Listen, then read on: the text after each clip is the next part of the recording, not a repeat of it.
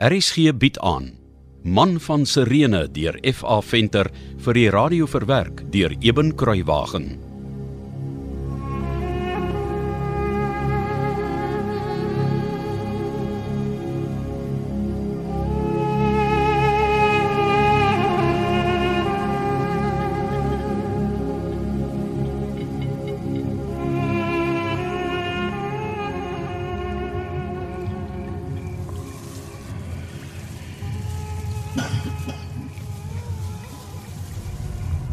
Barabbas. Slaap jy? Nee. Ek dink Waaraan? liefde en haat. Ek ek verstaan dat mens kan haat. Ek verstaan nie hoe kan 'n mens lief hê nie.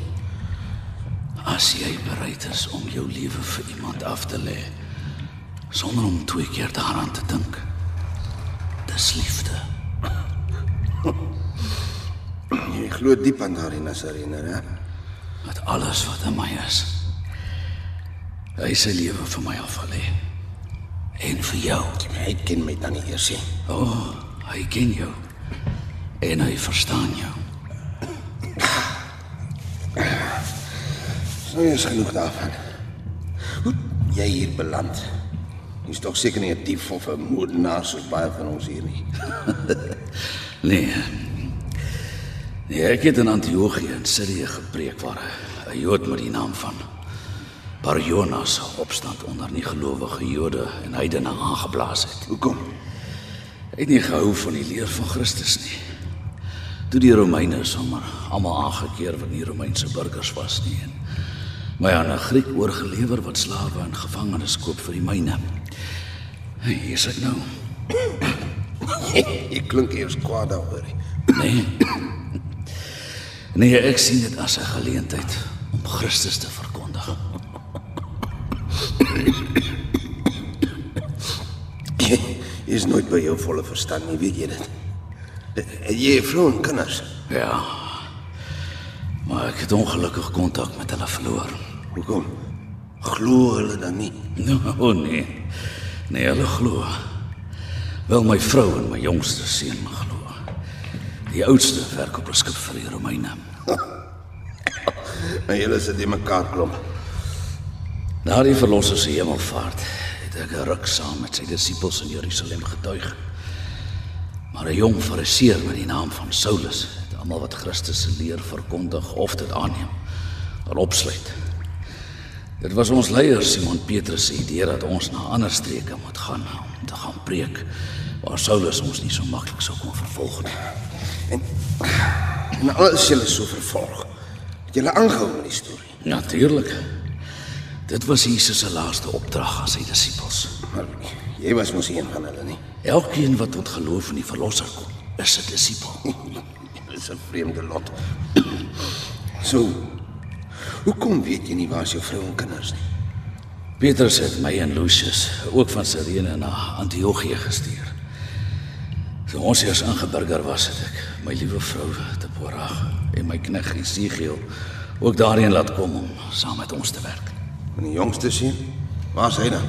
Simon Petrus het dit goed gedink om Rufus na Rome te stuur om daar te gaan preek. In Rome.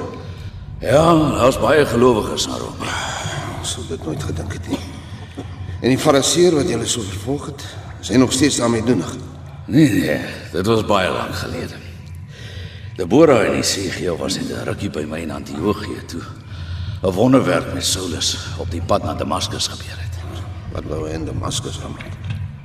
Hy het agtergekom die leer van Christus word na afgeleë plekke ook uitgedra, soos Damaskus. En hy was juis op pad daarheen om die gelowiges te gaan vervolg. Wat 'n wonderwerk het met hom gebeur.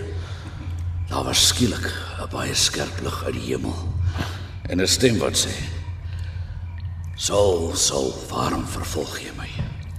Saulus het glo op die grond geval en gevra: "Wie is dit wat met hom praat?"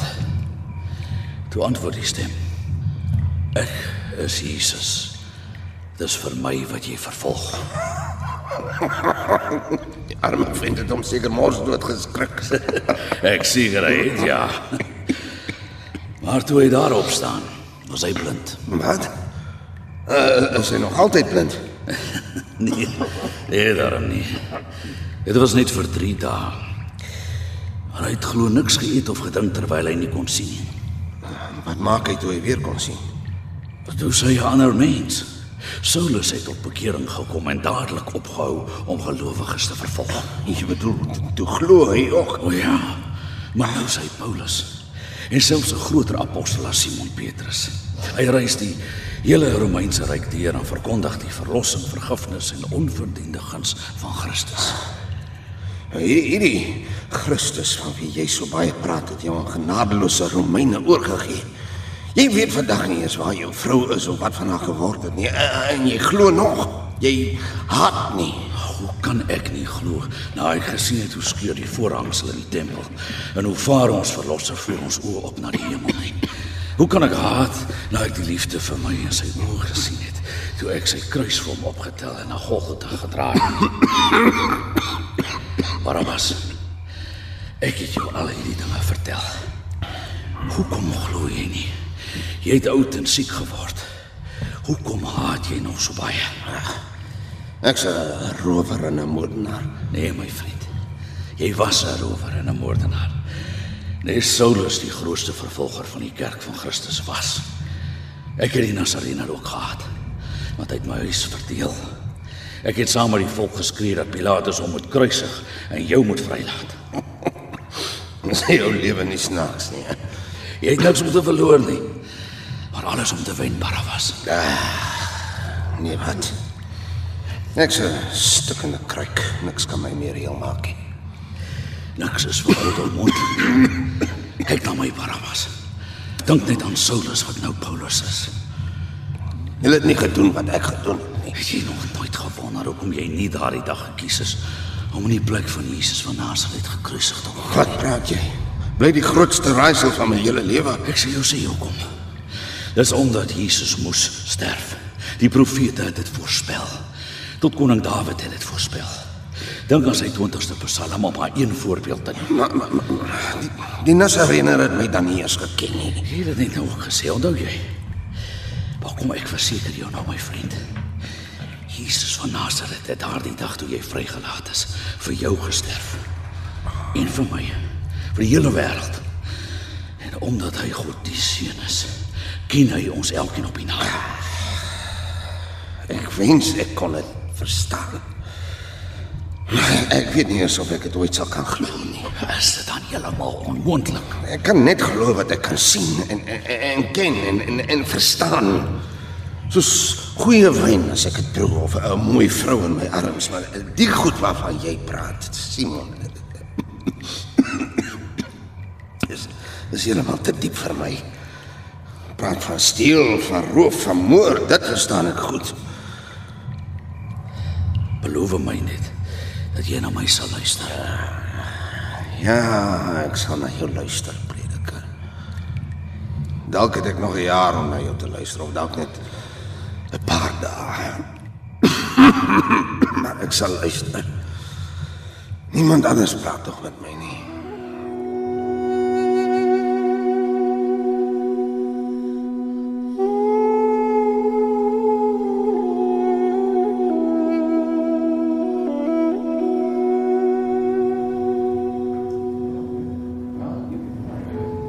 Wat sê julle van die prediker se storie? Glo julle hom? Hy is 'n laspos. Dis al kry mense net in die moeilikheid. Praat, praat, praat, julle tyd in plaas van werk. Ek het gister amper sy groot mond toegeklap toe hy weer wou begin met sy oë saai. Pas op vir jou hoor. Ek sien nie die myn omdat ek goeie maniere het nie. Dit kan ek sien ja. Kan ek raai? Jy is hier oor jy enige oomblik kan vrek. Ek steek jou met hierdie vuil en voer jou darms van die rot, hoor jy my? Nou julle twee. Net hoor die opsigter ons. Julle het gesien hoe lyk die arme skepsel wat hulle gister gegeesel het. Ek weet nie eens of hy nog 'n dag sal lewe nie. Hey! Wat gaan aan die kant aan? Wil julle ook vir Victor Brutus se flagellum julle ligvelle afskeer, hè? Ek het gesê julle moet sagter praat. Waar kry jy daardie vuil? Ek het nie nodig om jou te sê nie. Saggies julle twee. Wat is dit vir jou werd as ek niks vir die opsigter van die veil sê nie? Doe jou hond minder op my naam. Wat, wat gaan jy met die veil maak, Barabbas? Niks met jou te doen nie. En die volgende man wat sy mond oopmaak oor die prediker of hierdie vuil se daar in hierdie myne is getel. Dis my woord van eer. Nou, dis net eens hoor, julle stinkende rotte. Op met die flikke! Op met die flikke! ah, die keiser bedank julle persoonlik uit die diepte van sy hart vir elke sakkel silwer.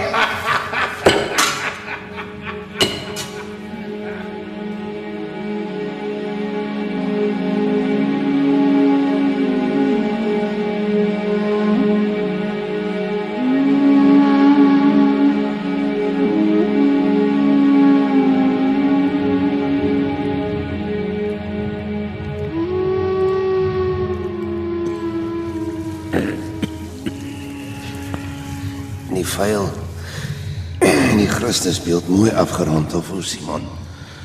Baie mooi, Barabbas, baie mooi. Dit was 'n pragtige stukkie werk wat jy vir my gedoen het. Baie dankie.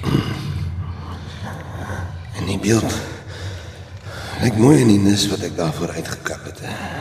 Dis Dis 'n regte kunswerk. Dankie my ou vriend. Hoekom vra Barabbas my uit oor dinge uit die verlede?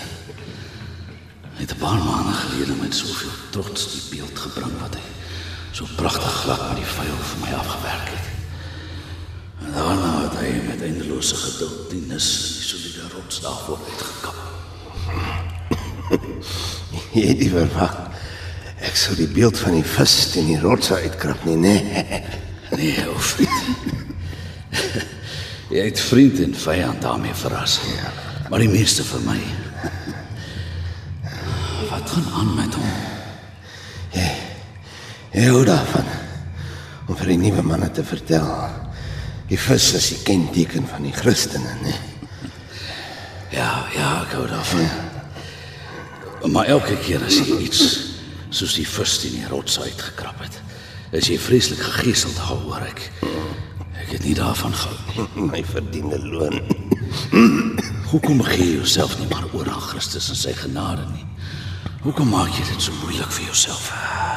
My tyd is min. Ek wil net rus.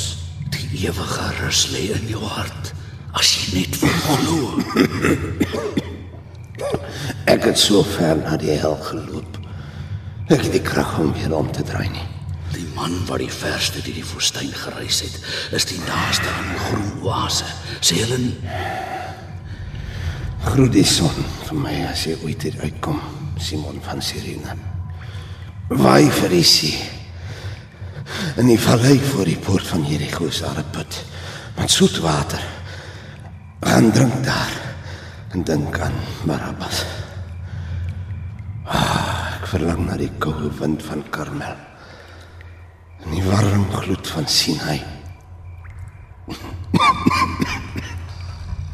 Die lewe is kort, hè. Ek was net gister nog 'n kind. Barabbas.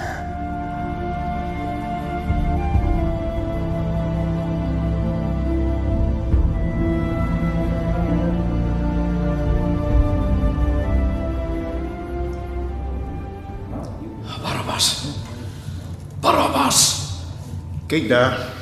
Hy hou die ou veil wat hy opgetel het in sy een hand. Dit is vol bloed. Hy hou die Christusbeeld met die ander hand vas. Help my dat ons hom op sy rug kan draai. Hy staan yskoud. Want hy's dood. Kan jy nie sien nie? Vriende asseblief. Hê ons sag vir die dood. Draai. Wat staan op sy bors? 'n Vis. Hy het die teken van die vis op sy bors uitgesny. Dankie, Here. Dankie dat U ook Barabbas verlos het. Man van Sirene deur F.A. Venter is vir die eerste keer in 1957 uitgegee en is in 2016 weer uitgegee deur Lux Verbi. Die produksie is tegnies hanteer deur Cassie Lauis en die verhaal word vir RSG verwerk deur Eben Kruiwagen onder spelleiding van Joni Combrink.